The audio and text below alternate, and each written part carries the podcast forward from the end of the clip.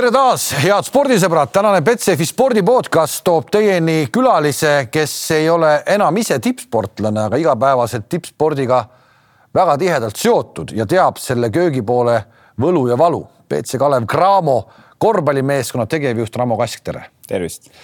me oleme praegu hetkel hommikus, kus eile õhtul Cramo meeskond tuli välja miinus üheksateistkümnesest kaotusseisust eurosarjas võõrsil Hispaania liiga meeskonna Zaragoza vastu ja võitis neid, säilitades endale edasipääsu lootused eurosarjas. sa vaatasid seda mängu eile, mingil hetkel oli ilmselt selge juba, esimene mäng ilma Kovlerita mm -hmm. ja et on läinud. sats tuli välja nagu uskumatu mänguga. kas see sinu jaoks tähendab äh, nagu see teine poolaeg näiteks, et see võit sealt tuli, kui me edasi saame, täna veel me ei tea, kas me saame, ei saa. mis see sinu jaoks tähendab, kui tegevjuhile kes juba vahepeal arvas, et eurosari on läbi mm,? no tuleb ikkagist meeste ees mütsi kõvasti maha tõsta, et väga-väga äh, äge tagasitulek, et, et selliseid asju väga tihti ei juhtu, eriti veel selliste meeskondade vastu, et, et seda võib öelda, et see on klubi ajaloo üks, üks vingemaid võite, kui välja tuua, et kes see vastane oli, mis oli kaalul. okei okay,, võib-olla jah, see, et me läksime natukene lihtsamalt nagu vastu sellele mängule, et võib-olla Prindis oli väike sihuke tunne, et peaks võitma, kui me tahame säilitada midagi läks nagu ta läks, läks Kovliar ka ära. leidsime lahenduse, leidsime ühe mängija asemele mm,. ilmselgelt ei saa Heiko teda kohe nagu mängujoonisesse nii võib-olla sisse panna nagu tahaks. aga lõppkokkuvõttes sa tuled miinus üheksateist seisust välja võidad selle mängu ja jätad ikkagi selle edasipääsu lootuse, kui me ise alguses arvutasime seal, et pluss seitse ja mida suurem võit võiks olla, et siis see tagab võib-olla mingi variandi, et me saame järgmisesse vooru et, et äh, nüüd ootame tänasest õhtut, seal on vist kolm gruppi on siuksed, kust äh, võib selguda, et keegi lööb meid välja, et vist eile oli üks mäng peale meid veel. nüüd me olemegi seal täpselt kuuendal kohal.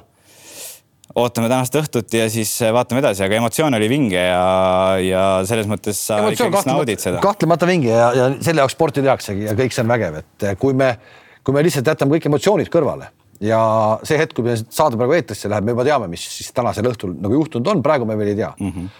kas sa pigem, kui sa nüüd päris aus oled, kas sa tahad, et Cramo jätkaks eurosarjas või pigem tänast rahalist seisu vaadates äkki ei taha? no see on täpselt see asi, millega me klubi presidendi ja kõigiga igapäevaselt nagu suhtleme ka, et seal on nagu mitu faktorit mängib selle juures, et ilmselgelt me tahame, et see sportlik edu ja kõik see saavutus, inimesed saali, me tahame, et, et see jätkuks. see on see, kus sa näed mehi ka, kui tuleb euromäng, sa näed meeste silmadest, fookus on hoopis teine, valmisolek, inimesed saalis, see atmosfäär, kõik see tunne. see on midagi teistsugust kui see, mis me Eesti-Lätis mängime ja nii edasi. teistpidi vaatad jällegist eelmise hooaja näitel, ma tean, mis nüüd gruppidest edasipääsud, mis kulud sellega kaasnevad, et kui me eelmine aasta lõime kokku, et umbes üks grupp, kus sul on kolm kodus, kolm võõrsil mängu on kuskil kuuskümmend tuhat väljaminek siis kui me, see grupp oli meil nüüd neli tiimi, neli mängu, et kolm tiimi ja neli mängu. et, et Iisraeli satsid on mängija ära, see grupp eh, tuli veits soodsamalt välja, mitte soodsamalt, aga tead ikkagist kindlad kulutused ja nüüd järgmises grupis, kui oleks ikkagist kolm kodus, kolm võõrsil mängu, siis me peaks arvestama ikkagist kuuekümne tuhandega. jah, ma see aasta eelarvesse nagu lisasin sisse, aga samas on tegelikult, et eelarve on nii pingelises seisus praegu, et täpselt jäägi siia fifty-fifty juurde, et eh, ühelt küljelt sa tahad ja see on äge ja selle nimel me seda teemegi. aga teisest küljelt, kui sa näed, et sul eelarve sealt nagu pitsitab, sa ei saa teatud mängijaid jätta, keda tahaks võib-olla ja nii edasi, siis eh, ta on sihuke kahetsed tunded on sa tahad, aga samas eelarvest saab väga raske olema. kuuskümmend tuhat, sa räägid praegu kuuskümmend tuhat on siis need kõik need reisid ja asjad, särgi, värgid. isegi soodne ju tundub kuidagi no ja, aga kui sa võtadki esimene grupp kuuskümmend tuhat jõuad järgmisse gruppi jälle kuuskümmend tuhat, jõuad sealt edasi jälle kuuskümmend tuhat ja siis läheb juba play-off'is on kodus võõrsil. Ta on ikkagist märgatav, märgatav kulu, sest et piletimüügist, mis sa siin kodus korraldad, sul ei tule see tagasi. eelmine aasta välja jätta see Cholet poolfinaalmäng, et sa oledki kaugele jõudnud, väga palju on kaalul, sa müüd viis tuhat nelisada inimest Tondirabbasse, inimesed tulevad, maksavad. sa saad mingi puhvri tekitada sinna, aga sa ei jää ikkagist selle liigaga seoses nagu plusspoolele, sealt ikkagist jääb sihuke korralik summa üles, et, et inimeste piletimüügist saadav tulu ei kata seda ära, et mis sa siin korraldada tahad. Kas see Cholet eelmise aasta mäng eh, Tondi rabas, mis tegelikult ju meenutaski juba seda nii-öelda päris eurokossu, et nii see ju võikski tegelikult olla mida meil Eestis noh, kahjuks millegipärast ikkagi nagu aru ei saada või, või seda, või seda nii palju ei ole. Te suutsite teha nagu väga korraliku äh, turunduse kogu sellele asjale. saalis oligi üle viie tuhande inimese ja kõik oligi nagu super. kas pärast seda tundus nagu, et kurat, nüüd sai tehtud küll. Äkki nüüd läheb paremaks, läks paremaks mm,? selles mõttes läks, et sul tuli ikkagi, sa nägid, et sihukese mänguga on võimalik ka piletimüügist eelarvesse mingit summat saada, et, et kui me vaatame siin mujal Euroopas, kes müüvad kui palju hooajakaarte Žalgirise mängudel, sul on kogu aeg välja müüdud, sul on väga-väga suur. Nad näevad ka selleks roppu vaeva ikkagi. eelarvesse tuleb piletimüügist ja hooajakaartidest. ja kui nüüd sihukese ühe mängu saime, sa nägid, et kui oleks sihukeseid mänge näiteks kaheksa hooaja jooksul, siis sellega juba annaks nagu mängida ja sellega see ongi see, mida sa tahad, et sa pakud inimestele, sul on saal täis, see atmosfäär, see kõik toimib ja sul on ka märgatav tulu äh, piletimüügist. praeguses kohas me räägime kuskil seitsmest, kümnest protsendist maksimum enda eelarve nagu piletimüügist tulev eelarve. see võiks olla vabalt kolmkümmend, nelikümmend protsenti, kui siin mõelda, et sul olekski siuksed ägedad mängud.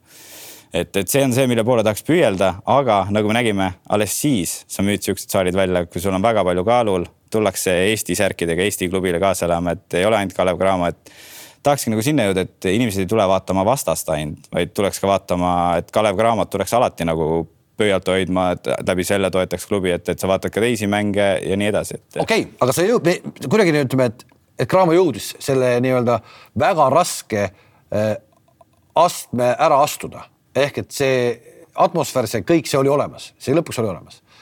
nüüd, kas ma mõtlen selle mõttes, läks lihtsamaks, tuli keegi, ütles, et kurat, vägevalt panete poisid paneme mingi plaani kokku ja lähme järgmine aasta ja ma tulen ja aitan nii ja nii ja nii palju. oli kedagi, kes kohe ütles, et kurat, see on vägev asi, et meile meeldib see, teeme vägevalt edasi pigem äh, koheselt nii ei olnud, pigem võib nii öelda, et olemasolevad sponsorid, kes juba olid, nad nägid, et me teeme ikkagist ägedat asja ja sihuke saavutus, mida pole ammu olnud. Pigem sealt tuli kindlust, et nad on ka järgmisel aastal olemas meiega, aga et nüüd nagu öelda, et keegi paneks kohe juurde, ütleks, et kuule, järgmine aasta võtame eesmärgiks, jõuame jälle nii kaugele, ma panen siit topelt, mis ma olen pannud. kahjuks eh, sihukest asja ei saa öelda, et kohe tuldi, joosti tormi, võeti ühendust, et kuule, te jõudsite nelja hulka, et järsku läheb järgmine mäng võõrsil veel parem, et me paneme teile juurde, et lennake eh, tšarteriga sinna, et, et sealt ju tekkis omakorda probleem pärast tagasitulekuga, et et eh, kahjuks ei saa väita nii, me omalt poolt oleme küll kirju välja saatnud, me oleme siin uue partneri leidnud Äripäeva infopanga näol, et, et jõuda rohkemate inimesteni, et me teeme siin ägedat asja, meil on tugev bränd Eesti mõistes vähemalt ja juba tegelikult Euroopas meid tuntakse, et meil, miks muidu lähevad siit mängijad eh, Hispaania meistriliigasse, et, et sa oled pildis, sa teed ägedat asja, inimesed käivad saalis, pealtvaatajaid on väga viisakal arvel, et, et kuidagi jõuda selleni, et me oleme nagu lojaalsed kliendid ka oma uuele partnerile siis, et läbi meie saab ennast näidata ja see kestab üheksa kuud. et väga pikk periood, kus olla pildis, olla osa meeskonnast, toetada klubini no,. täna, täna läheme sinna, et äh, eurosarja mängud äh, noh, korvpalli nagu tõsine huviline, eks ole, ta saab aru, et, äh, et need on Kalevi spordihallis ma tahan öelda, et noh, et eh, tegelikult sa ju ei saa teha ainult väga kitsale ringkonnale korvpallihuvilisele. kui sa tõid selle Salgirise näite, siis Salgiris ju töötab alati nende inimestega, kes veel pole saali jõudnud. aga selle Kalevi halli te panete täis nendest nii-öelda korvpallihuvilistest, kellele te ei peagi üldse mingit reklaami tegema. ühesõnaga, Kalevi hall on niikuinii väike, teil pole oma saaligi, kus tegelikult mängida. noh, ei ole, ei ole esindusmeeskonnal Tallinnas oma saali, kus kogu aeg mängida päris paha lugu. see, sellega on pahasti jah, et vahepeal tunneme isegi, et, et nagu katsakad käime mööda linna ringi, et, et vahepeal saame Siili, Siili klubis teha, vahepeal saame Audenteses teha, vahepeal teeme Nordis. et, et äh, Kalevi hallis on tihtipeale mingid muud üritused sees see on keeruline ja ka mängijatele endale natukene, et, et ei ole oma kindlat riietusruumigi, et sa pead asju kaasas tassima ja kõik siuksed, et nagu profiklubi mõistes, esiklubi mõistes võiks olla tegelikult need tingimused nagu paremad, et meil on hea partner Arigato näol, kus me saame väga head jõusaali kasutada.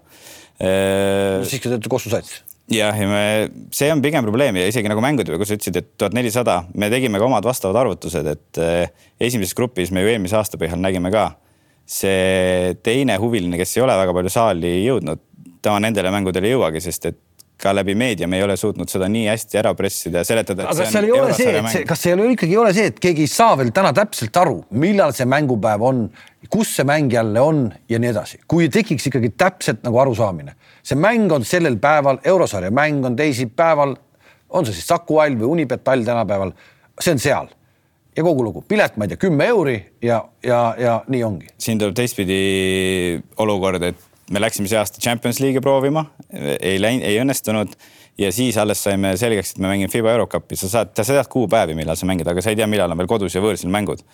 ja kui sa hakkad alles septembris eh, neid kuupäevi panema, sa pead igaks juhuks panema siis kodus võõrsil selle kuupäeva, et sa ei tea, kas sa oled kodus või ei ole.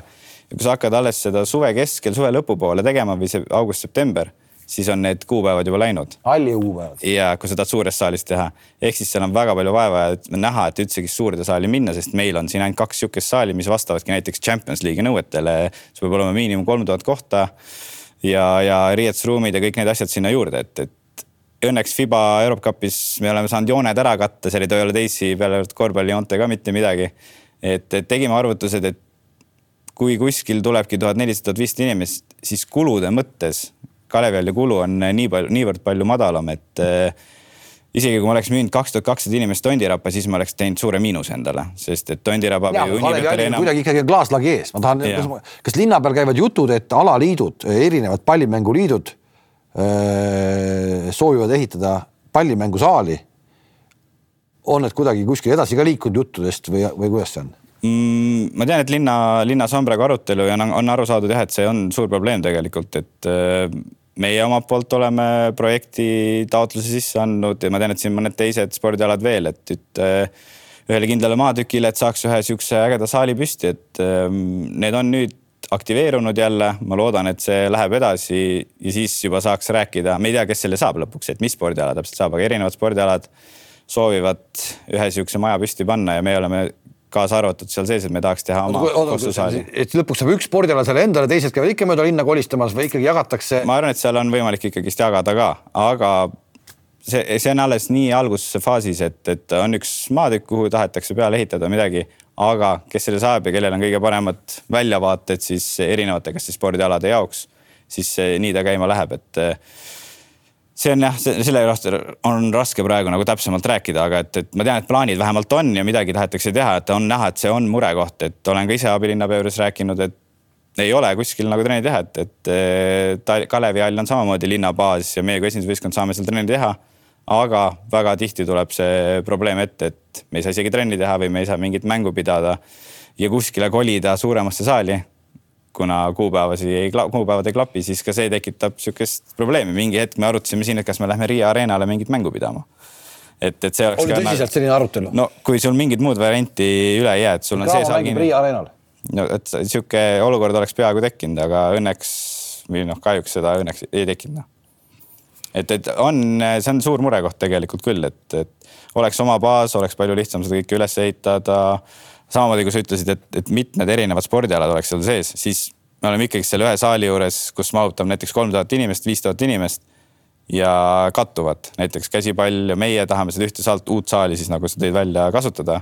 aga siis lõpuks on see, et üks peab ikkagist järeleandmist tegema. pigem on see rohkem lahendatav probleem, kui sul üldse aega pole. no seda kindlasti. see kindlasti on lihtsamini lahendatav ja. siis, kui see ikkagi oleks juba olemas.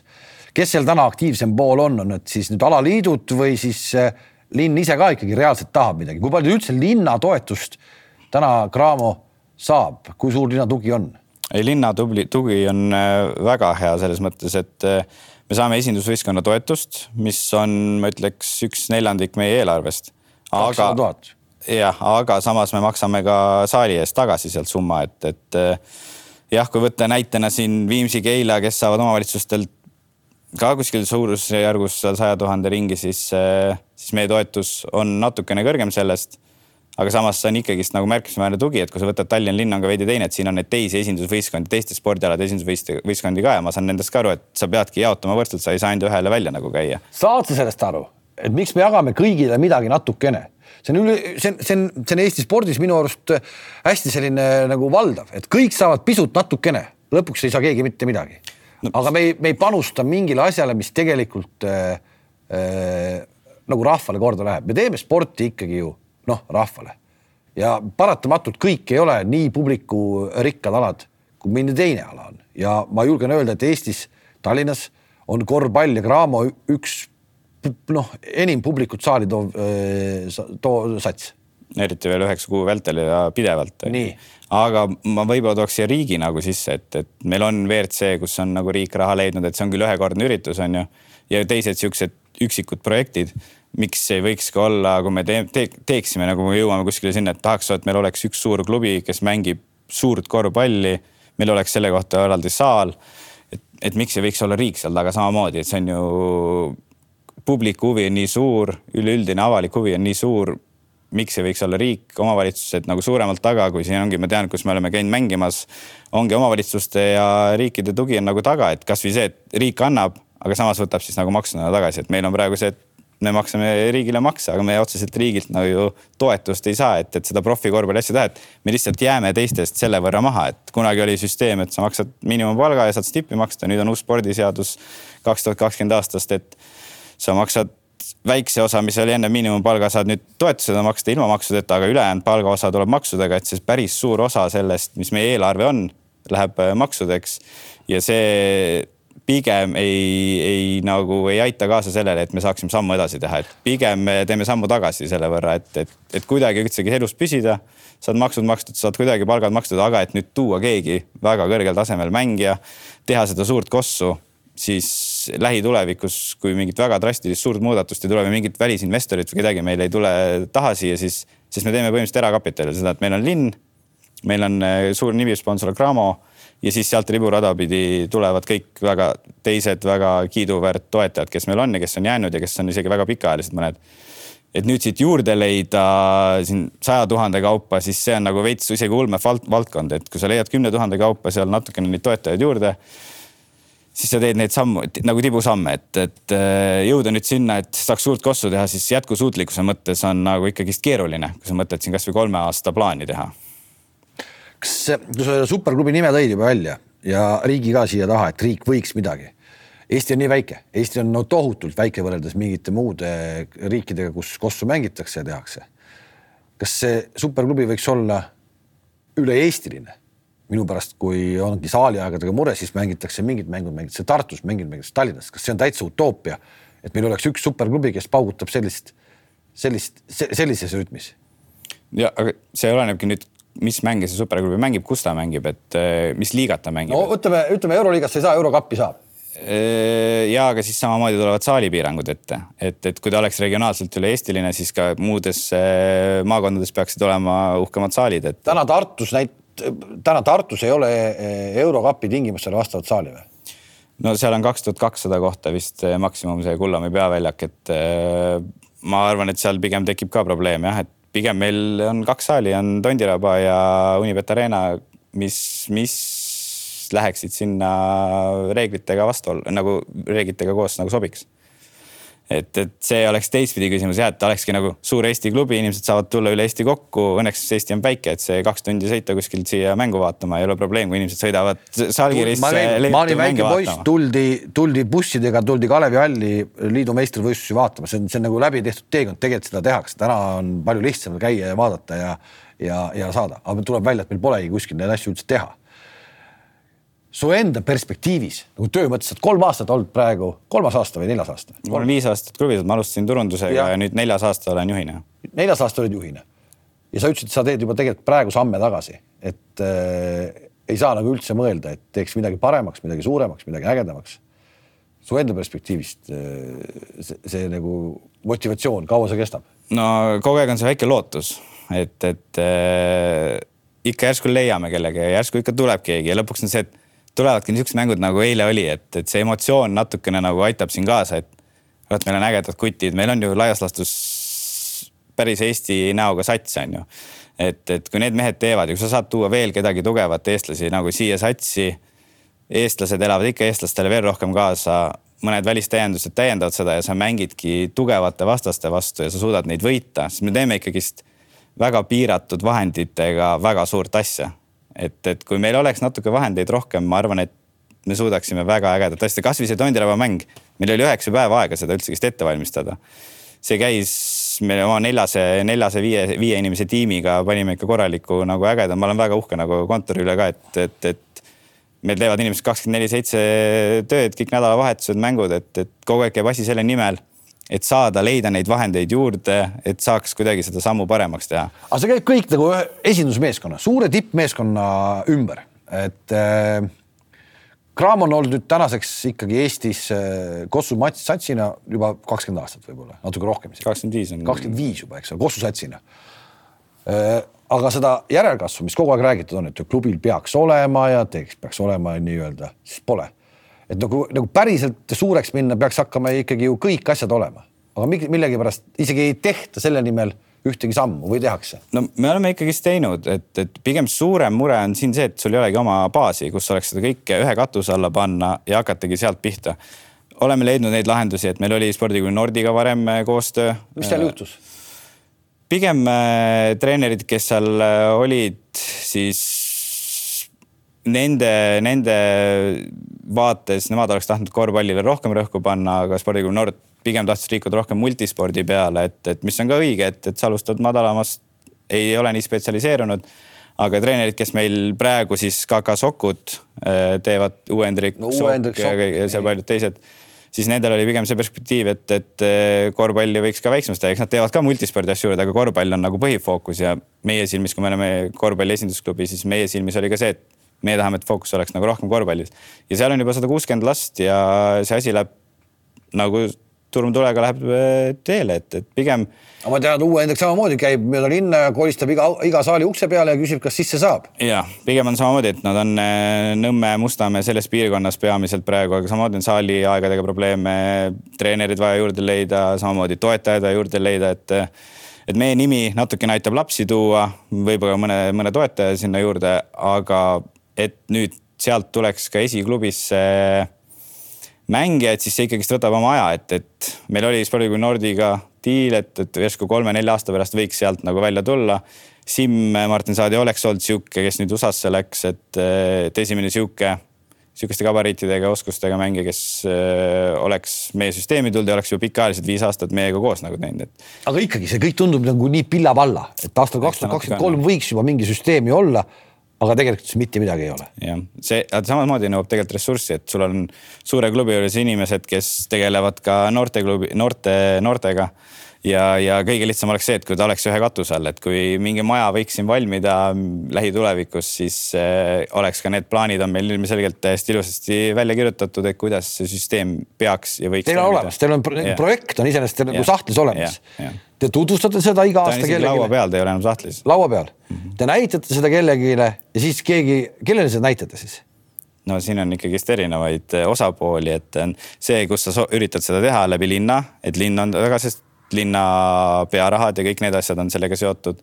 lisaks investorid, kes tuleksid selle taha, et kui me tahamegi rääkida suurest klubist, siis seal on vaja väga palju tugevaid partnereid ja nii ta kokku läheb, et on treenerid, on juhtkond, on esindusvõistkonna treenerid, kõik, kõik, kõik, kõik, kõik, kõik, aga ma saan aru, et te näitate kellelegi mingitele partneritele, siiamaani raputavad kõik pead, ei huvita no ei saa öelda, et ei huvita, et pigem see projekt on juba laua sahtlist välja tõstetud ja laua peal olnud juba sihuke kolm aastat, et lihtsalt need ajad, mis siin olnud, et koroona, Venemaa sõda, kõik need asjad siin kokku, et, et, et pigem see majanduslik seis mõnelt poolt on võib-olla vahepeal pidurit tõmmanud, kui hakkab jälle natuke paremaks minema. ma toon alati selle näite, et seesama koroona, sõda, majanduslik seis, see Leedus ka, see on Leedus ka, see on Lätis ka. Läti satsid täna on vist vähe paremas seisus, kui nad siin olid paar aastat tagasi mm. -hmm. Jätame Leedu üldse kõrvale, Leedus tundub, et äh, nüüd on Wolves, on Ritas, on Žalgiris niikuinii. see on seal ka. mis seal teistmoodi on? ma ei tea, väga hästi tehtud töö kunagi algusest peale kuidagi me,. meie toome jah seda näidet, et Leedu võrdubki korvpall, et äh, sealt ka riikide ja omavalitsuste poolt on tugi tagasi, sest see on see, mis toimib, mis rahvale väga korda läheb, et seal vist isegi Tšavljaid ja kes saavad nagu omavalitsuselt miljon eurot eelarvesse, et hakkasid põrgatama, ei leia kõrvale toetajaid veel ja sa saad niimoodi sammhaaval minna, et eh, pigem ma sooviks kuidagi jah, et, et meil riik ja omavalitsus veel suudaks teha sammukese edasi ja et, et siia nagu korvpalli panna, kui, kui on näha, et see läheb rahvale korda. no mis riik, kas te olete riigisääd jutul käinud ka kindlasti? ja me oleme ikka arutanud. mis nad ütlevad? Eh, ütleme nii, et mis minule praegu on nagu silma jäänud ja arutelu on teinud, et nad toetavad, toetavad Tiim Estonia. ainult äh, koondiseid, ei ah,, koondiseid, Tiim Estonia, aga klubisport sellest ju ei võida, et meie oleme need, kes loovad neid koondislasi, meie tiimis on praegu viis-kuus mängijat, kes on kas koondise sees või koondise piiril. aga meie ei saa selle tehtud töö eest ju tegelikult toetust, et äh, meie igapäevaselt treenime, valmistame neid ette ja siis lähevad koondisesse, et koondised saavad nagu toetust, et oma tegevusi teha et kui öeldakse, et me toetame, riik toetab Team Estoniat, et Eestil oleks saata MM-idele, EM-idele, olümpiale võistlejaid, koondislasi, siis otseselt klubi ei saa sellest nagu midagi. et, et see on see koht, kus peaks vaatama üle, et, et meil on sihuke klubi, kes on valmis, kes on need koondised sees, et, et ka sinna tekiksid mingid lisahüved kasvõi meditsiini poolt ja sihukest asja juurde, et me kõik peame oma nagu asjadega hakkama saama et see on see koht, kus ma arvan, et oleks vaja, et, et eh, riigi tugi tuleks näha. ja sulle tundub, et eh, seda ei tule? Mm, praeguste sammudega mitte, ma olen ka suhelnud siin Tanel Teiniga, kes on Riigikogus praegu ja tema on oma plaanid nagu välja käinud, et kasvõi nendele ettevõtted, ettevõtjatele või ettevõtetele, kes soovivad eh, panustada, et neil oleks siis nagu suuremad soodustused ka läbi selle, et, et sa annad ju tagasi selleks, et Eesti riik oleks pildis Eestis. ja kas sa saad väga hästi aru, et tema need ettepanekud, need isegi ei võeta arutlusele? Neid veel ei võeta arutlusele jah, aga ja ma saan aru, et ta väga palju näeb vaeva selle nimel, et mingi hetk võetakse, et on ka tehtud ju kultuuri, korvpallikomisjon isegi Riigikogus et, et eh, sinna lauale neid kogu aeg sa viid ja üritadki nagu läbi suruda, et, et seda on vaja, et jõuaks see nüüd siis nagu sinna kõrgemasse ladvikusse ka, et seda on vaja, ma saan aru, et nii palju muid muresid on ka praegu riigil, mis on vaja toimetada, aga mingi hetk. Neid, mingi neid hetk, on kogu aeg, neid on igal pool. mingi hetk meie lihtsalt kaome siit pildilt ära, sest me ei suuda enam sellega kaasas käia, mis muud inflatsioon, kõik asjad lähevad kõrgemaks, klubi eelarve jääb samaks, muud asjad kõrvalt tõusevad, meie oleme samad, see tähendab seda, et tegelikult meie eelarve kogu aeg langeb ja mingi hetk me võimegi ainult siin Eesti-Lätit põrgatada ja see kuni ei ole see ambitsioon. kuni ka edasi läheb, kaua, kaua te jaksate? no siin klubi presidendilt on ka tulnud seda infot, et et raskeks läheb nii, et, et äh, ei jaksa seda kõike kogu aeg nagu ära klattida ja oma sõpru kogu aeg nii palju läbi helistada, et, et sealt tuleb väga suur tugi, kui sa näedki, et tuleb raske periood, siis sealt tuleb abi. aga see ei ole lõputu, see ei ole nagu piiritu, et, et mingi hetk, kui sa näed, et ei olegi võimekust enam seda nii üleval hoida, siis jääbki see variant, et äh, mängid Eesti-Läti liigat, aga see ei ole see ambitsioon, mida me tahaks teha, et siis seda on vara praegu öelda, aga kui see läheb selles suunas, siis nii on. Ja siis, siis meil ei ole Eestis, ma ei tea, kas see Põhja-Euroopa liiga või need on päris need. ma tean, et Pärnu alati on võtnud selle suuna, et nemad, kes meistriks tuleb, saab minna ju Fiba Champions League'i proovima, kui sealt ei lähe, siis saad kohe Fiba Eurocupi, aga see on ikkagist klubile on nagu see väga suur väljaminek, Eesti mõistes klubile on see suur väljaminek ja suur risk tegelikult, et kui sul ei ole suvel paigas, et keegi toetaja ütleb, kuule, mine mängi Fiba Eurocupi, ma annan sulle vähemalt kakssada tuhat. siis tegelikult see klubi, kes selle riski võtab ja tal ei ole seda raha, siis ja ei lähe hästi näiteks või läheb hästi, üks mõle, mõlemat pidi on sul ikkagist väga suured kulutused.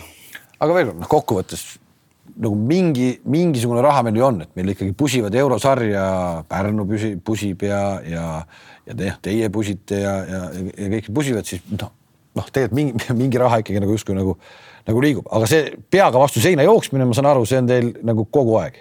no pigem küll jah, pigem küll, sa otsid lihtsalt lahendusi igapäevaselt, et eh, see vanker saaks edasi minna millal Inamäe äh, viimati nagu si siiralt rõõmus oli, et äh,? pigem eile pigem näiteks, et eh, oot, võtame nüüd rahulikult, naudime nüüd seda sihukest võitu ja vaatame homme-ülehomme edasi, et, et kuidas, kuidas edasi toimetame, et, et mis meist saab, kas, kas meie euro, euro jätkub või, või keskenduminegi siis see aasta Eesti-Läti liigale, et teha seal võimalikult hea tulemus ja ka Eesti meistrivõistlused on minu jaoks alati üks peamiseid prioriteete olnud, et see annab sulle vähemalt võimaluse kas siis minna meistrite liigasse või sa oled pildis, et, et sulle tulebki kutse, nagu näiteks eelmine aasta meil tuli ka Euroliiga alumisest Eurocupist tuli kutse. et eh, kolmeaastane diil laual, tulge, teeme, sul on garanteeritud kaheksa või üheksa, nüüd on vist kümnesed grupid, et kümme kodumängu, kümme võõrsil see oleks see koht, kust võiks hakata minema. kutse tegelikult tuli ja seda tuli. kutset aeg-ajalt saadetakse, saadetakse. ja see on siis Euroliigast järgmine aste, Eurocup. see on väga nagu asine asi täna Eesti sats kokku panna selle pealt nii-öelda Eesti poistest koosnev sats, keda tuua koju mm -hmm. ja mõned välismaalased juurde, on täiesti olemas. garanteeritult oleks täismaja Unibet Arenal, garanteeritult, absoluutselt oleks, arvatavasti.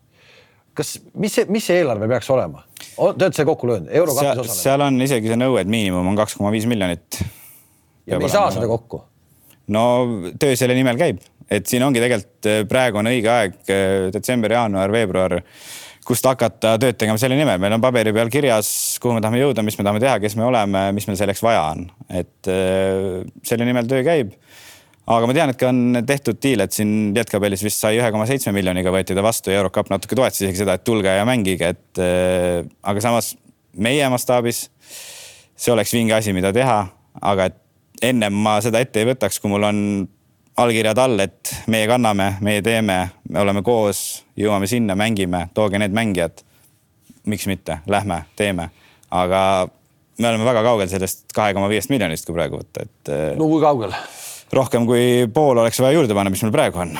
ja arvestades, kui raske on kokku ajada seda, mis meil juba on, siis kui keegi suur, sa tõid Wolvesi näite ennem, ma tean, seal tuli mingi Dubai šeik taha, kes, kellel on suur eesmärk jõuda Euroliigasse, leidis Leedust mingi klubi, kellel oli hea plaan, paneb sinna raha alla ja ma arvan, oli see Dubai šeik või oli seal mingi kohalik mingi? seal on kohalikud lennu,, aga, aga. lennuettevõtja. ja, aga leiti ka veel mingit araabia. araabia vendi ka. ja et, et, et siis on ju lust seda teha, on ju, et no aga kiikasin araabia peale. kellel on, kellel on kontakte sealt Dubaisti kuskilt, eh, tõmmake, tõmmake kõnet peale. ilma naljata? ei no tegelikult, no kui, kui me ei saa siin oma väikses Eesti tiigis nagu sihukese asjaga hakkama, siis on vaja vaadata väljapoole, kui sa mängidki eurot, siis see, kes see väljaspoolt tuleb ja tal on äh, siin Euroopas väljundid, tal on ettevõtted, asjad erinevates Euroopa riikides, siis see, et me mängime seal, meie nimi on seal see, ma arvan, et väga tugevasti aitab kaasa ja kui sa oled veel, hakkad võitma ja oled juba, hakkad sinna ülespoole minema. See on ju ainult samm edasi teha, et, et, et no need plaanis ja jutuna on nagu äge ja tore kõike teha. aga et sinna jõuda ja seda saavutada, siis see nõuab ikkagist väga palju ressurssi ja vaeva, et, et jõuda nende inimesteni ja see plaan nagu võiks tõeks saada kuidagi. unistada on äge. Lähme reaalsuse juurde. reaalselt Tartu valmistab sellel aastal kogu pauku panema Tallinnale taas jälle ära korvpallis ma arvan, te olete seda märganud. jah, nad on seda juba suvel ütlesid välja, et nemad on kultuuripealinn kaks tuhat kakskümmend neli, kindel eesmärk on Eesti meistritiitel, miks peakski vähem olema, nad on kaks aastat teisel kohal olnud, et kuhu veel, mida veel öelda. kuhu siis, veel kukkuda. jah, et nagu see peakski olema see eesmärk, et hea meelega, tuletame neid kunagisi aegu meelde, et ma ise küll tegin kergejõustikku, aga ma käisin samamoodi saalis vaatamas Cramo ja Tartu vahelisi matše, istusid trepi peal ja elasid kaasa, et sihuke, sihukest intriigi. ma arvan, kui praegu nii läheb, nagu, nagu stsenaarium ette näeb, siis midagi sarnast me võime isegi kevadel ju täitsa näha ja kogeda, kui oleks saali, kus mängida, kui õues ei pea mängima ja. või lähed Riiga mängima või ma ei tea. ei no eks seal äh, suve poole vist on natuke lihtsam, siin tuleb lihtsalt vaadata kähku need äh, kuupäevad üle ja eks Eesti liigas saab ka neid liigutada natukene lihtsamini. et eurosarjades on tavaliselt see, et sul on ette antud ja suuremad klubid on suurema kaaluga, kes ütlevad, me ei saa koduliigat muuta, me peame tegema sellel päeval no,. läbi elatud kõik. et, et äh, aga see on tervitatav ju, et kui sihuke intriig on õhus, toob inimesi kossu juurde, võib-olla ka neid, kes ei jõuagi iga kord saali, siis loomulikult teeme, aga noh, meie eesmärk on ikkagist tiitel võita, et äh, nad võivad ju öelda, et nad tulevad Eesti meistriks. Äh, meie ütleme sama eesmärk on tiitel võita, ometi Kitsikuga diili tehtud ei saadud ja Tartu sai. Äh, mingis mõttes kindlasti osadele korvpallisõpradele, kes on nagu Kalevi pooldajad, ehmatav, et, et Cramol pole isegi Kitsingu palkamiseks raha. kui kallis mees ta siis oli? No ta on ikkagist Eesti mõistes äh, natukene üle keskmise kallim mängija, aga ei no ilmselgelt me tahtsime Kitsingut hoida, ta on, see on kaubamärk, Kitsing kolm pluss üks on ju. et äh, ja ma kujutan ette, et sealt me võime saada, kui Kitsingul on hea päev, me saame, võime saada vastu näppe päris kõvasti, on ju, kui, kui me räägime kevadest ja kui me peaksime olema play-off ides näiteks, kui läheb kõik hästi ja plaanipäraselt. Äh, meil oli tegelikult juba august, septembri alguses oligi juba me, meestes no platsi kokku pann-, satsi kokku pannes oli juba sihuke olukord, et Hermet oli meil juba kaetud, eelmise hooaega pooleteiseaastane leping ja Heiko tahtis seekord kaitsesse pigem Kirvest ja seal käis see virvarr edasi-tagasi. Hermet ja Kitsing on pigem natukene sarnase tüpaažiga ja kui Kirvese saad, siis kolm samale positsioonile on nagu keeruline. lõpuks oligi kokkulepe, et temal ei olnud klubi meile oli tulemas Champions League, ta oli meiega trenni teinud ja me leidsime kokkuleppe, et kuule, sa saad ennast näidata läbi euro Champions League'i mängu kvalifikatsiooni. meie saame kasu, et kui tulebki hea mäng, võidame tänu sellele, et sa oled meil satsis, et eh, see oli sihuke kahepoolne kokkulepe, et tema saab ennast näidata, kui tulebki hea pakkumine, saab minna ja meil on abi sellest, et ta meie tiimis. tegime selle ära. tulid eurosarja need Fiba Eurocupi mängud otsa ja, ja pigem meil oligi see, et vaatame siis kahe kuu pärast, et kus me oleme omadega no ei ole seis paremaks läinud, et on kuskilt rahalaev sisse tulnud ja et, et saaks nüüd vabalt võtta, et arvestades veel, et et, et kui mõni toetaja siin tõmbas näiteks poole võrra toetust väiksemaks, siis mul lihtsalt eelarvesse ei taha neid riske võtta, kui sa niigi oled seal riskipiiril kogu aeg, et, et eh, pigem oli see, et pakkusin veel. hinnast alla ei tulnud?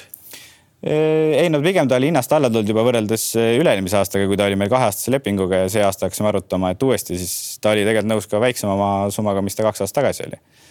lihtsalt see on reaalne pilt ja see otsus oli vaja teha kahjuks, et äh, nii see korvpall käib. ja Tartu suutis ennast kokku võtta ja leida sealt selle vajaliku raha no,. arvatavasti ka Tartule ja Sa nagu hea lüke, ta on nagu Tartu poiss ka on ju, et, et, et rahvast rohkem saali võib-olla, oma poiss kodus, et väga hea lüke, et, et.... aga Rannula poolt tegelikult ikkagi võimas otsus, ma saan aru, eelistada ikkagi mingis mõttes Hermetit ja kui me vaatame seda eilset mängu, ma siin mõned nädalad tagasi juba ütlesin, et minu arust on Hermet on täiesti müstilise sammu edasi teinud. kui kaugel Hermet üldse oli siin paar aastat tagasi, et ta äkki lõpetab üldse korvpalli ära mm., ma arvan, et üks enim mustas augus olnud mängijaid, ma küll ei tunne ega ei tea, aga visuaalselt kõrvalt vaadates.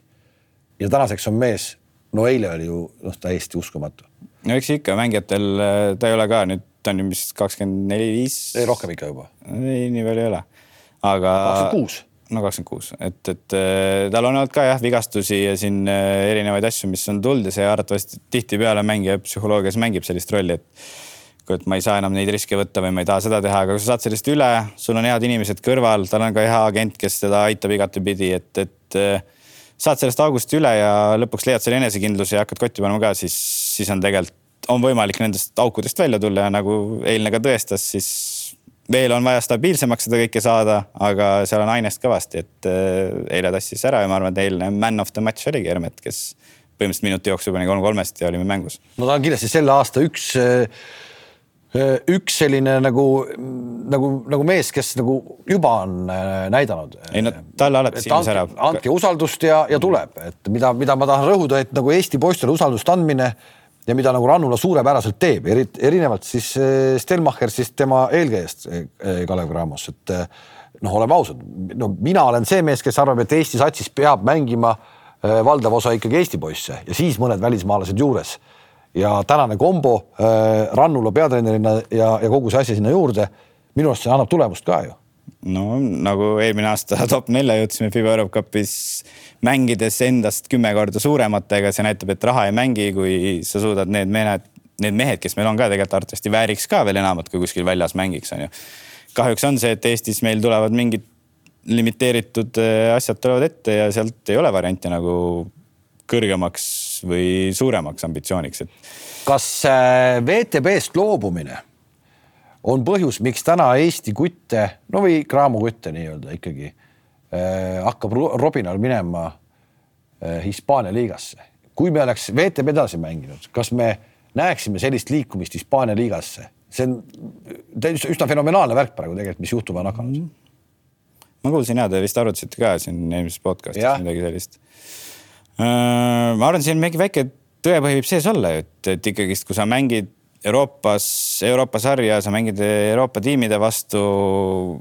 sind näidatakse, sind skaudivad teised tiimid, ülekanded, siis ja kui sa jõuad veel top nelja, mingid tiimid panevad ikka silma peale, eks, eks suurtel tiimidel on ju eraldi palgal siuksed skaudid, kes jälgivad kes on kuskil väiksemas klubis ja teeb väga ägedaid liigutusi ja punkte, et siis võiks ju tuua enda juurde, onju, et nad võib-olla küll võetakse sisse, nad on alguses pingil aga see on ikkagist nagu, ma arvan, pigem hea märk ka meie, meie kohta. on küll kahtlemata. Ja kui tuua tahetakse, siis ka tuuakse. Mm.. Kovleri jäämine tundus sulle küll ju päris nagu aamen kirikus, et ta tegi lepingu ära ja minu arust sa veel suvel kuskil rääkisid, et et vaevalt ta läheb kuskile, et ta teeb selle hooaja nüüd meiega lõpuni. täna on novembrikuu, ta on juba läinud. no mitte päris, et, et ma oleks öelnud, et ta lõpuni jääb, pigem meil oli jah, leping tehtud märtsi alguses ja, ja see tegelikult agendiga sai kohe räägitud, et, et, et see leping sellise summaga, mis ta meil on, seal peab olema nagu buy-out sees, et juhul kui ikka väga hea asi tuleb, siis, siis me hakkame arutama. no me olime tegelikult arvestanud, et see asi võib juhtuda. kas Kovler oli hooaja alguses kõige kallim mees Cramos? ei. ei olnud? ei, ei. Keskel kuskil. mitte midagi erilist. arvestades. nüüd selle hooaja alguses. jah, arvestades tema mängustiili, väärtust, kõike, siis ta oli ikkagist selle raha eest meil ikka väga-väga hea asi, väga hea mängija et, et äh, me olime arvestanud, et see võib juhtuda, lihtsalt see tuli kuidagi äkki ja siuksel perioodil täpselt, kus meil on siuksed rasked mängud tulemas, on ju, et äh, ja Šašast endast ka, ta ütles kohe, et ta on nii nagu kodune siin, et, et ta kaalus isegi, et, et aga sa ei tea, millal veel siukseid pakkumisi võib tulla ja ega meie ei hakka kätt ütlema, tal on ju lepingus on buyout'id sees. eks seal on ka buyout ides on ka nii, et suvel oli see summa veel väiksem, siin sügise alguses natuke kõrgem ja nüüd novembrist natuke tõusis veel ja veebruaris oleks juba veel kõrgem summa olnud. et, et äh, me ei saa kätt ette panna, kui sul tuleb tõesti nagu Hispaania meistriliigast tuleb pakkumine no,. mitmekordse palgatõusu ta sai, mitmekordse? seal, nüüd mm, kolme. kolmekordse võrreldes Cramoga? No ilmselt peab minema, midagi teha. no muidugi. noor poiss ja me teame teda ka, kui ta on väga palju näeb vaeva ja tal on ambitsioonid, siis eh, kui seal läheb hästi, teeb mingid sammud edasi, areneb veel, ta on alles kakskümmend üks, et, et mingi hetk saame öelda, et näe, meie poiss siit tulnud mängib Euroliigas mingis satsis, et eh, no on võimalik. tegelikult Tartust tuli no okei okay,, Tartust tuli ja meie veel korjasime üles ja panime ta Euroopas nagu mängima, et sa jääd, jääd nagu silma. Te leidsite sekundiga, te oleks nagu valmis olnud selleks, see Marion Jackson tuli nüüd satsi, uus mees. ilmselt ta ei, no ta ei saa ju nii odav olla, kui oli Kovler siis. jah, ta on natukene kõrgema hinnaga. natukene kõrgema hinnaga.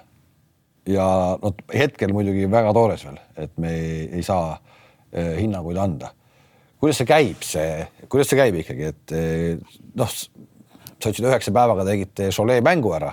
no põhimõtteliselt üheksa päevaga saatsite Kovleri ära ja uus mees oli kodus ka juba. Suvel ma saan, mäletan, et teil oli vahepeal mingi jutt, et teile järjest ja järjest öeldi, ütlesid mängijad ära, et ei tule teie satsi mm. -hmm. kuidas nüüd Jackson järsku tuli?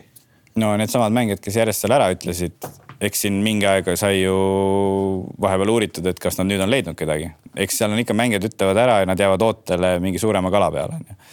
et meil oli oma list, keda me olime varem ka nagu läbi käinud ja kui see info tuli juba, et läbirääkimised käivad Sasha agendil siis hispaanlastega, siis me hakkasime kohe nagu vaikselt tööle, et, et kuidas seisud on nendega, kellega me oleme varem juba suhelnud, et kas on juba leidnud kedagi, on leidnud klubi ja kuidas need seisud on. sealt listist paar nime jäi nagu välja kellega sai nagu edasi minna, et, et seal olid jah, omad küsimused, et on vigastused tulnud ja pole mänginud, on ju. ja samas lõpuks me pidime vaatama ka oma jällegist oma vahendeid, et, et palju me üldse sinna alla saame panna, et, et ilmselgelt, kui meil oleks võtta seal kaheksa või kümme tuhat, me oleks leidnud konkreetse kindla hea venna, keda me teame, aga kui sul ei ole, sa arvestad rohkem kui poole vähemaga sellest siis sa ikkagist, meie teeme neid, et me võtame riski, et sa tood mingi venna, kes on võib-olla nagu vigastatud olnud ta ei ole nii palju võib-olla Euroopas sul mänginud, sa võtad selle riski loodad, et läheb hästi, et äh, nii ta käib meil, et äh, kui see Saša uudis tuli, siis me hakkasimegi pihta sellega ja arvestasime, et kui nii läheb, siis see kuupäev on Saša läinud ja uus mees võiks meil kohal olla. et me jõuaks ta registreerida selleks mänguks, Saragossa mänguks, seal olid ka oma kindlad kuupäevad sul. Et, et lõpuks oligi, et registreerisime ära ja siis äh, lootsime, et, et, et tervislik kontroll ja kõik need asjad nagu klapivad, et et õnneks läks nii, et, et ta sai mängida. üks legionär tuli ja läks, mis, mis tal juhtus? Äh, meil oli hooaja alguses Desonta Bradford, kes mängis meiega Champions League'i ja alguses ka sain Tartu vastu. tal oli kodus lapsega mure, nii et tal oli, ta ei olegi kuskile mängima läinud ka, et ta pigem on lapse kodus, tal oli isiklikud põhjused ja läks ära. Ja siis me otsisime samamoodi uut mängijat, siis meil vahepeal oli see Shamori Bonds, NBA poiss, seal samamoodi jutud olid, et juba ootasime, et maanduks. Ja tuli info, et ei, ta ei saa kodust lahkuda, ta elab kuskil seal sellises piirkonnas, Bronxis või Brooklynis kuskil seal, et, et gängsterite mingi värk käib ja ta ei saa kodust tulla, et, et turvalisuse mõttes, et pere juures olla olemas, oli üks jutt ja teine, et ma ei tea, kas ta nüüd läks, ei läks kuhugi Katari vist nüüdseks. ühesõnaga selle jutu juurde tulles, siis eh, kui erinevad kaadrid, no ütleme sellise Kovleri-suguse vennaga ilmselt eh, jälle, ma ei tea, aga mulle tundub välisvaatluse põhjal on suhteliselt lihtne läbi saada. lihtne toit, lihtne riie, nagu öeldakse, väga palju pretensioone. no meie kandi mees nagu pigem võib öelda, jah meie kultuuritaustaga mees. Läks, läks ära, oli just Stepslit ka võtnud korterist välja, et nagu sihuke väga viisakas. too teisi näiteid on neid olnud, kes äh, USA ülikoolidest otse tulevad ja see teadupärast on see, et USA ülikoolides, heades ülikoolides, sul tehakse ette-taha kõik ära ja on olnud nii, et mees, lähed korterisse midagi tegema, vaatama, mõtled, miks sa voodis ei maga, ütleb, et linu ei ole keegi vahetanud, et nagu miks sa diivanil magad, et, et siia oli lihtsam lina panna, et. et nagu siukseid asju tuleb, et oodatakse, et riideid, kes peseb, kes, kuidas söömisega on, et, et meil on korterid võetud, mis on päris suur kulu muidugi ka onju, aga et, et on näha, et ühtegi potti panni pole mõnikord mõni välismaalane kordagi kasutanud, et pigem on äh, toitu tellitud ja sellega nagu toimetatud, et äh, et on erinevaid näiteid, et sa võtad ikka riski, sa ei tea, mis sa sealt saad, kuidas on, kes on niisugune, et kes on koduigatsusega, on öö läbi võib-olla alati üleval, et kodustega rääkida siis sa vaatad mängule, et kuidas see nii väsinud ilmega on, et, et siis pärast mängu räägid, et ja mul oli kodus vaja see kõne ära teha ja siis see kestis võib-olla viis tundi ja poiss on öö läbi üleval olnud, et on need, kellel ei ole päris fookus selles paigas, et ta ei ole veel aru saanud, et kuule, et meil on tähtis mäng tulemas. tihtipeale on hooaja lõpul see, et mängisime Eesti-Läti liigat, et mis mängud need nüüd siin on, et Eesti meistrivõistluse mängud, play-off on jälle mingi play-off, et mis see karikavõistlused on, et. Fiba eurosari on see, kus nemad ikkagist, mis on ka see, et meil on võib-olla mängijaid võimalik saada natuke odavamalt siia, kuna nad saavad ennast näidata suuremal turul. et see on ka see võib-olla, et mis natukene aitab võib-olla soodsamalt mõnda mängijat seal saada. ometi linna peal jälle jutud liiguvad, et umbes, et helistatakse kellelegi koju, et tulge vahetage mul telekapulli patareid ära või, või pange tekstid alla või midagi sellist, kõik see vastab tõele ei, seda on kunagi juhtunud ja, et Kerli, Kerli on neid värvikaid lugusid meil kontoris rääkinud, ta on kakskümmend aastat klubi juures olnud, et seal on ikka jah, igasuguseid olukordi ette tulnud, aga ma arvan, et seda on ka teistes klubides, et. kindlasti ikka... on, see on asja üks pool, aga teine pool ja ma ei saa sellest üle ega ümber, ma tahan seda ikkagi nagu sinuga ka rääkida ära. Et see eelmise aasta eurosarja suur edu lõppes siis nagu totaalse karistamisega. Mm., meeskonna karistamisega, meeste karistamisega, rendiautodega mööda kuradi külaringi kolistamisega. Nii võib ju Van Beck või iga, kes iganes, Gilbert rääkida ka kui täiesti ebaprofessionaalsest äh, satsist, kus nad olid. Mm.. aga võttes neid mehi, kes sa just välja tõid äh,, kuna oli juba hooaja, mis aprilli algus see sats oli nagu nii hea keemiaga, et, et see oli see ainuke lahendus, et üldse tagasi jõuda. me kaalusime, et järsku me siis ei võistlegi seal, ei mängigi Final Fouril, et, et et vältida, vältida seda, mitte riskida vigastustega, et me saimegi tegelikult sealt kaks vigastust, seal oli Sigmar Saimo talla alla tekkis plantaarfassiit mingi põletik sellest autosõidust ja ja seal Kurbasel või kellelgi oli veel äh, põlvega probleemi, Hermetil isegi, et, et äh, kaheksa tundi seal autos istuda, kahemeetristel meestel öö läbi sõita ja lennuki peale lennata veel kolm tundi ja otse mängule tulla ja Riia VEF-i vastu hakata mängima, siis äh, jah, meil oli arutelu küll, et kuidas nüüd saaks nii, et me ei peaks mängima, et üks päev oleks vahel ja lõpuks me saime mingid siuksed mõtted, et järgmiste hooaegade mõistes, et seal peab olema kindlasti, kui sa tead, et Euroopa sarja Euro,, eurosarja mingi kuupäev on paigas, et siis see Final Four või need mängud peaks vähemalt olema mingi kolm-neli päeva vahe, enne kui tulevad mängud peale. no aga kuidas, kuidas, kuidas see protseduur välja nägi, sina olid sellel hetkel, sa ei olnud kaasas meeskonnas, sa olid siin, sina hakkasid siit seda asja jaurama, et nüüd on, nüüd on, nüüd on vaja minna. Mm. -hmm rendiautodesse, kes selle teatavaks tegi nagu satsile, kuidas sa teed, et paneme nüüd kaheksa tundi väikeste rendiautodega tegelikult oli see, tegelikult jah, tegelikult oli see, et äh, esmalt me üritasime bussi leida.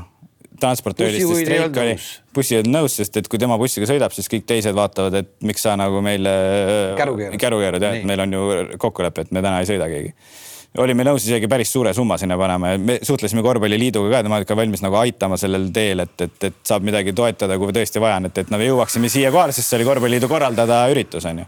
näe, siin bussijuhid ei streigis yeah.. praegu täitsa uskumatu, no nii. nii. Ja, ja lõpuks oli, bussi ei leidnud, lõpuks oligi variant, et võtsime Eesti Avisega ühendust, et kas leiate meile sealtsamast Nantesest Avis rendi ja mis variant oleks? Neli, neli autot vist võtta või viis või ja, ja, ja sõidame autodega, vaatame, kuidas see ajaliselt nagu läheb, et, et lõpuks saime kinnituse, et see on võimalik, meil tuli, tuldi hotelli järgi, viidi sinna autorenti, kõik oma kodined asjad kaasas ja pakkisid auto täis ja hakkasid sõitma, et, et meie siitpoolt, meil oli üks füsio, kes räägib prantsuse keelt, suhtles seal hotellis kohe prantsuse keeles nendega, et leidke meile keegi bussijuht, rääkige nendega, kes tuleb järgi, et nad aitasid kaasa.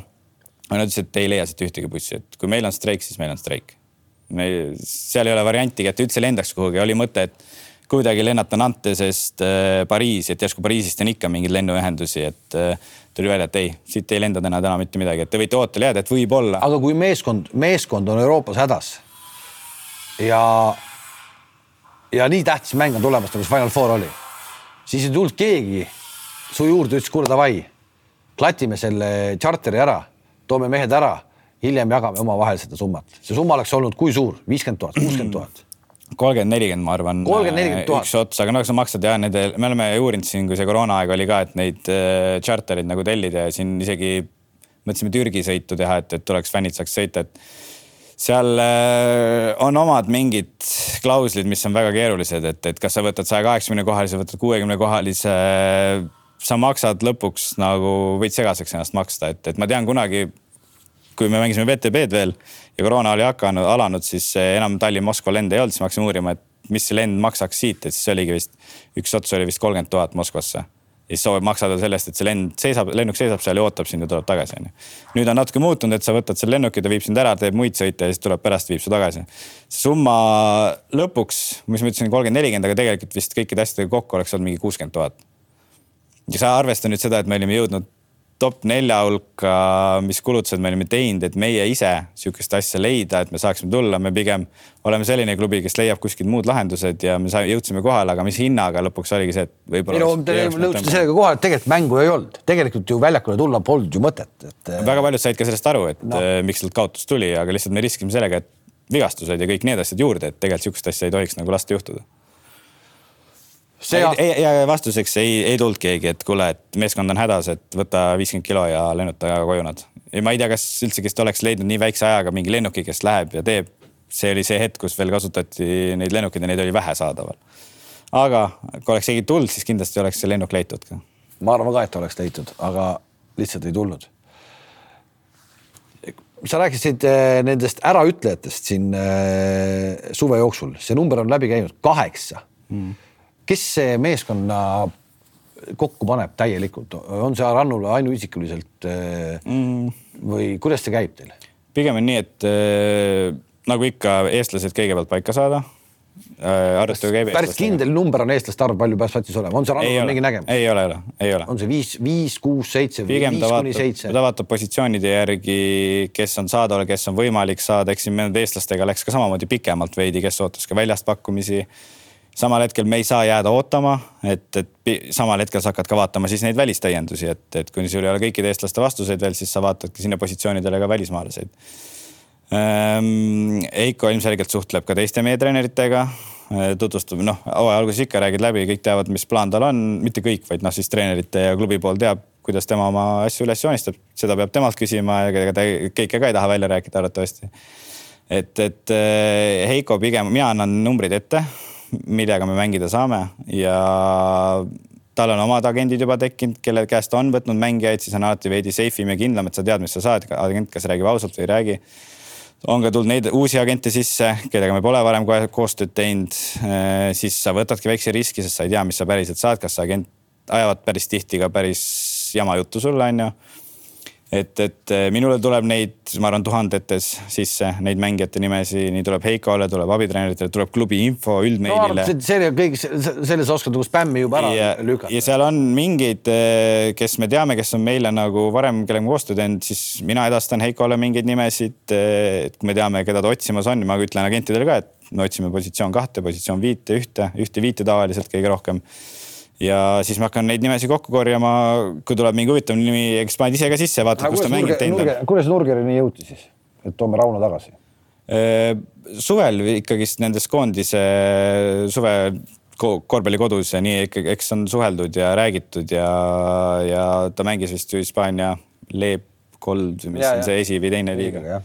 et, et äh, oli hea soojas kliimas, aga samas Rauno kuulis ka, et me mängime nagu euro, euro poolt, et, et uuesti nagu siin ennast äh, proovile panna ja Heiko mõtles, et meil on vaja pikka nagunii, et, et ja Rauno võiks sammu edasi teha, aga et eks, eks, eks me oleme praegu novembris, meil on õnneks aega veel, et, et loodetavasti nagu Heiko välja öelnud on, et kõik ei ole päris kokku veel jooksnud see pusle, et, et kes omavahel parima, parimini sobivad platsi peal ja nii edasi, et need viisikud, kes platsi peal jooksevad, et, et eks see võtab natukene aega. sa oled klubis olnud äh, nüüd kahe erineva peatreeneri ajal.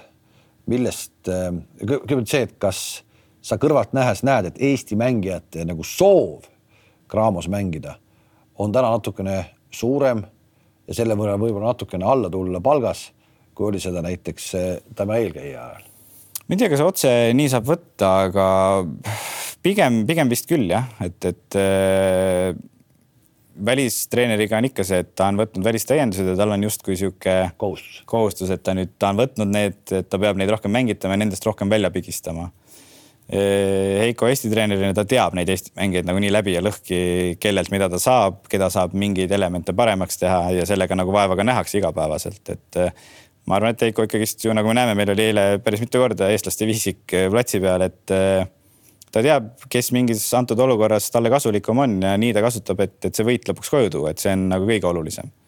et, et äh, pigem ma arvan, et sellel mingi tõepõhi on taga jah, et, et äh, kui on välistreener, siis tal on ka mingi kohustus nende välismängijatega kuidagi mitte ei saa öelda, et nüüd, et Heiko võib suvalisi välismängijaid võtta, et, et me toome välismängija, kes saab võib-olla natuke rohkem palka kui mingi teine Eesti mängija ja sa lõpuks kasutad teda seitse minutit, siis äh, see ei ole päris see point seal taga, et, et üritad ikkagi stack'isse panna ja et seal on kandev roll nendel kahel-kolmel välismängijal, kes sa tood, et kelle sa tood, et.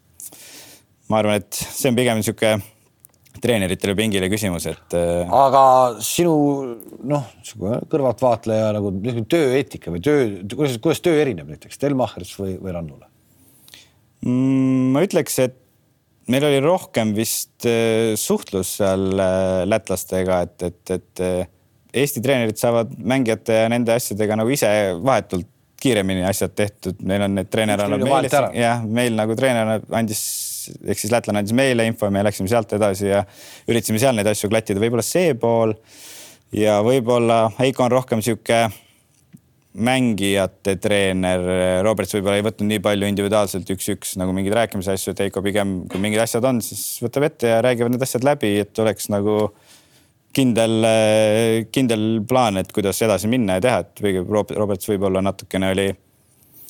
Ei võtnud seda nii ette, et läheb nüüd personaalselt räägib, eks ikka tuli ette neid, neid olukordi trennides ja mängudel, kus oli vaja ka ette võtta, aga pigem ikkagist nagu erinevad jah, et üks oli sihuke karismaatiline konkreetselt, mitte ei saa öelda, et Heiko nüüd ei teeks konkreetselt mingeid asju, tal on oma kindel plaan ja ta teeb väga hästi neid, aga ta ei näita võib-olla nii välja seda, et et eh, eks ikka on erinev jah, et, et. no ütleme, et, et Rannula, Rannula tegemised noh, siin Eestis on ilmselgelt nagu silma hakanud ja, ja peavadki hakkama.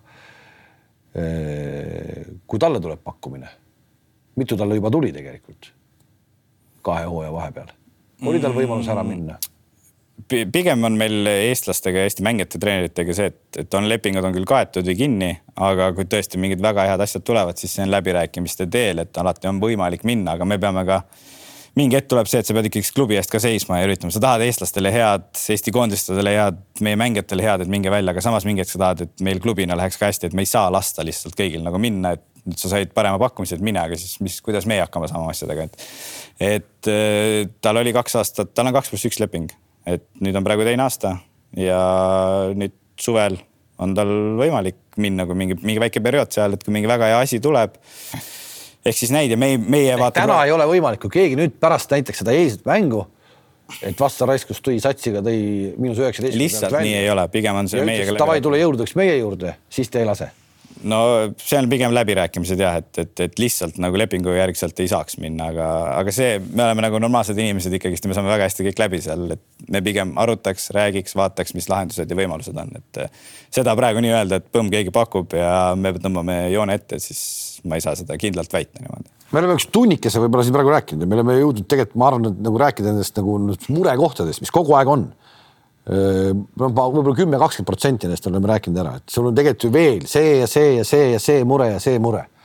et noh, väga stabiilne nagu töökoht ei ole, et, et hommikul kella üheksast õhtul viieni ja edasi on pereelu. ei ole? ei ole. ja pigem kakskümmend neli seitse oled sa kättesaadav ja, ja üritad siis neid lahendusi leida. mõningad sõnumid, mis tulevad, on prioriteetsemad, mõned on siuksed, millele sa vastad võib-olla kolm-neli päeva hiljem, et, et äh, aga üritad alati olla kättesaadav ja nagu kommunikeerida infot, et mitte hoida väga kinni mingit infot, mis võib-olla vajaks kiiremat lahendamist. mis kõige vastikum on ameti juures? pigem äh, konstantne pinge, et saaks maksud makstud. ikkagi see mm -hmm. ehk et see rahavoog, mis te räägite küll eelarvest, see kogu aeg tilgub mingi hetk, sa ei tea, kunagi ei tea, millal siis midagi tuleb, jah? jah, pigem äh, finantsiline pool on jah siin, et äh, kui oleks nii, et sul suvel on teada see summa konkreetselt juba allkirjad all, nii, ma saan hakata seda summat jaotama nüüd mängijatele läheb nii palju, turundustegevusteks nii palju, need saalid, need liigad nende liigadega on sama, et sa ei tea tegelikult palju täpselt arv, arvust, arv, arvestada sinna sisse, et mängid esimese grupi ära, langed välja, oli kuuskümmend tuhat kulu, aga jõuad sinna top four'i, siis on kakssada tuhat kulu, et eh, mõnes mõttes on hea uudis, et kui sa ei pääse edasi, siis mul jääb see puhver alles ja ma saan midagi teha, onju. samas on see, et jõuad sinna välja, siis on see, et kaks sotti läks sinna, nüüd mõnikord on ka mängijatel boonused sees, et on vaja need kuidagi ära maksta, onju, et et kõik siuksed, äh, siuksed mured ja probleemid. on kõige pikem äh, palgavõlgnevus olnud, et. Äh, siin viimastel aastatel? ma arvan, et ma arvan, et üle kuu ei ole vast läinud. aga kuu aega ikkagi on sisse tulnud? Päris kuud ei ole veel tulnud niimoodi, et, et pigem, pigem me oleme leidnud mingi lahenduse, kas jääb mõnikord on, jääb üks-kaks päeva hiljaks või nädalavahetus tuleb sisse, siis sa lohistad järgmisse nädala algusesse, et eh, me oleme üritanud ikkagi seda poolt nagu korras hoida, et. Eh, aga kui kuu hiljaks jääb, kas eh, mängijad juba nagu ei ikka. trapivad jalgu ka? ei no eks ikka mängijad on märkinud, millal nagu võimalik, võimalus oleks, sest nagu meil kõigil on ka mängijatel vaja maksta liisingud, mingid korterid, asjad, et muid asju koju Ameerikasse raha saata ja nii edasi, et eks ikka ja, ja kui me näeme, et meil on raske nagu kuu tulemas, ma annan, üritan vähemalt anda nagu varem märku, et, et eh, võib-olla jääme ikkagist mõned päevad hiljaks, et, et siis nad oskavad ka nagu arvestada, et eh, seda saaks veel paremini tegelikult teha, et, et peaks tegema nagu paremini, et kui ongi näha, et sul on mingi mure või ei ole sul kuskil sponsoritelt need rahad sisse tulnud, mis oleks pidanud võib-olla juba tulema, et siis, eh, siis sa üritad nagu kohe märku anda, et mõnikord läheb ka see meelest ära, sest tööd on väga palju. sa oled kümnevõistleja mees, ma vaatasin, mis punktid mingi, mis sa kõik kokku panna, su punkti, seitse tuhat kuussada isiklik on seitse tuhat viissada viiskümmend kuus, kõik punktid isiklikud üksikalad kokku panna jääb napilt kaheksa tuhande alla vist. ja natuke alla jääb jah mm., et äh, loobusid ära äh,. ei ole kahetsenud, et sa nüüd sellise ameti peal oled, ma arvan, et nagu kasvatab päris korralikult äh,. noh, ma ei tea, tugevat nahka, paksu nahka, mida iganes. Mm.. aga mingi hetk sa ei jaksa ka. Mm, kindlasti jah, no tegelikult üdini või täiesti nagu spordi jah, valdkonnas olnud, kergejõustikku teinud, kergejõustikuliitu aidanud erinevate projektidega, ujumisliidus vahepeal töötanud ja siis nüüd korvpall vahepeal poole kohaga kehalise õpetaja olnud, treeneritööd natuke teinud, et et, et veits kogemusi omaga on, aga ma ütlen, et see, kus positsioonil praegu oled, et ütleme nii, et see on sihuke, sa pead olema kogu aeg lahendustele orienteeritud, et sa pead pigem meil on see kontoris, et me tegeleme kogu aeg murede ja nende tulekahju kustutamisega nii-öelda, et eh, kindlasti tuleb kaasa kogemus, kogemuse võrra, väga suure kogemuse võrra, juuksed on kõvasti haljemaks läinud siin viie, viie-nelja aastaga, et, et eh, tuleb kindlasti kaasa ja kogemuse võrra rikkam, et eh, mis, mis siin muud, et emotsioon ja see tulemus ja see tiitlite saamine, et meil kõik võistlus käib ka FC Floraga, et meil on kolmteist tiitlit, neil vist on ka kolmteist või neliteist nüüd, et kuidagi on vaja seda kaitsta, et, et väike sihuke togimine teiste spordialade vahel käib samamoodi, et, et. sa vaatad jalgpallureid ilmselt äh, kaunis kadedusega, sest et äh, kuulates äh, jalgpalliklubide eelarveid, siis natuke jääb nagu arusaamatuks, kust see kõik tuleb. no võrreldes neid eurosarju just pigem see on see, mis teeb nagu natukene nutuseks selle olukorra. no aga selle nimel tehakse ka hooaja lõppudes liigades kõvasti tööd, et eurosarjas võimalikult head kohad saada, panid ka tähele või? jah kuidas sa nagu kõrvaltvaatajana vaatad seda, seda, seda virvarri, mismoodi meistritiitleid, meistritiitlid selguvad? no ma ei tea, paha on välja tuua mingeid kohtunike eksimusi või asju, et, et äh, see on mängu osa, aga võib-olla mõnele tehakse karmimalt ära, teisele lastakse natuke lihtsamalt minna, et ma pigem selle peale nii palju ei vaatagi, ma pigem vaatan ükskõik, kes need neli tiimi on, kes sinna mingid eurokohad saavad, et lihtsalt vaatad, et sa mängid konverentsi liigat näiteks, mis on umbes tugevalt sama, mis meie Fiba Eurocup, mingi neljas tugevus Euroopas. ja sa saad seal kaotuse eest juba kolmsada tuhat. ja me jõuame. ja reisikulud. ja, ja, jah, ja me jõuame nelja hulka, võidame ulmelisi tiime meie mõistes ja liigalt sa saad hooaja lõpus toetust kuus tuhat eurot boonusena, et sa tulid nelja hulka, kuus tuhat eurot ja ise oled sisse pannud kakssada tuhat et äh, käärid on nagu natukene, mitte natuke, vaid liiga suured, et, et sellepärast ongi see eesmärk peaks olema see Champions League. see on nagu vähemalt sul tuleb mingil määral raha sealt tagasi. päris nulli ei tule, aga sa vähemalt overarvestades, et sa käid välja kuuskümmend, siis sa käid välja võib-olla viisteist, kakskümmend esimeses. nagu Eurokapis. Eurokapis. päris nii-öelda päris Eurokapp jah, sul peab olema eelarve, sa pigem see ongi üles ehitatud nii, et äh, sa saad liigalt midagi, seal on mingid nendest teleülekannete õiguste pealt. ja lõpuks, kui sul on siuksed satsid, sa müüd välja saali, kus sul on näiteks, mis ei pea isegi välja müüma, kus sul iga kord on konstantselt kolm tuhat, neli tuhat inimest saalis, siis see piletituluna on arvatavasti kuuskümmend, seitsekümmend tuhat ja kui sul on kaheksa mänge sihukest, siis, siis need reisikulud kümme korda kuhugi sõita ilmselgelt ei ole nii suured ja veel tuua ka need, et sa maksad kohtunikke ja nende ööbimist ja lennupiletid, mis meil praegu on, siis need on nendes kõvemates liigades vähemalt kaetud liiga enda poolt, et, et natukene professionaalsem ja kõrgem on see tase. sa oled selle asja sees, kas sa näed viie aasta perspektiivis, viie aasta perspektiivis, et meil on see kuradi superklubi ja me toome parimad Eesti poisid koju ja teeme ühe vägeva asja kas sa näed seda või ei saa, ei näe? viie aasta perspektiivis hakkavad pers... mingid mehed juba võib-olla lõpetama, kes täna võiks mängida. ja viie aasta perspektiivis ma ütleks, et see on võimalik. lihtsalt nõuab äh, natukene kõrgemates, kõrgemates juhtkondades, teatud ettevõtetes lihtsalt otsust. et, et teeme selle ära, lihtsalt me peame minema väga hea plaaniga välja, et, et idee tasandil on seda juba arutatud siin kaks aastat. et, et äh, keegi väga hea eestvedaja peaks selle asja uuesti üles tooma ja sellega lihtsalt igapäevaselt vaeva nägema ja tööd tegema ja, ja ma arvan, et. tee see ära, saa, saa teiseks Riho Soonikuks Eestis. jah, oleks seda aega nii palju, et selle kõigega tegeleda, meil on nagu enda klubi asjadega on juba käed-jalad tööd täis, et, et samamoodi tahaks, et klubis oleks meil erinevaid töötajaid, kes ainult puhtalt sponsorite peale, ainult puhtalt seda, seda, seda. me oleme neljakesi kontoris, mina, spordidirektor, turundusjuht ja sotsiaalmeediat ja me teeme niigi nagu üle oma võimete neid asju, et, et pigem, pigem ma tahaks, et inimesed jõuaksid saali, käiksid meile, meie klubile kaasa arvates, nad on Kalev Cramo fännid, nagu on nendes kui tuua välja need Hispaania linnad ja Saksamaal, et linnade vahel rivaliteet, et Tallinnas meil tuleks, meil on kõige suurem elamiskond siin Eestis, et meil oleks konstantne sihuke kahesaja, kolmesaja pealine fännide armee, meil oleks eh, lihtsad liikmed, kes käivad, sest neile meeldib meie klubi, neile meeldib meie tegevused. ja nad elavad meile kaasa, mitte et nad tulevad ainult siis saali, kui me mängime Riia VEF-iga näiteks Eesti-Lätis või meil on tähtis eurosarja mäng, et, et tahaks, et me jõuaks sinna selle kultuuriga, et meie rekord vist on sada viiskümmend müüdud hooajakaarti, mis on kakskümmend tuhat. see võiks olla vabalt, et sa müüd nelisada hooajakaarti, juba on hooaja alguses sul summa eh, peaaegu sada tuhat soetagem endale siis hooajakaardid, ükskõik, kas on siis Cramo või mõni teine klubi, kes samamoodi neid siis müüb ja, ja, ja toetagem niimoodi siis klubisid. aitäh sulle, äh, oli põnev rääkida ja, ja tõesti loodame, et me näeme siis ikkagi sammu edasi, mitte sammu tagasi. jäi tänasest jutust selline mulje, et lootust ei ole, aga. ei no on ikka, tuleb lihtsalt palju vaeva näha ja leida need õiged inimesed üles. teeme nii aitäh sulle. aitäh. Betsafe spordipodcast äh, sellel kuul siis äh, selliste juttudega, uus kuu tuleb varsti peale ja siis jälle uued jutud, kohtumiseni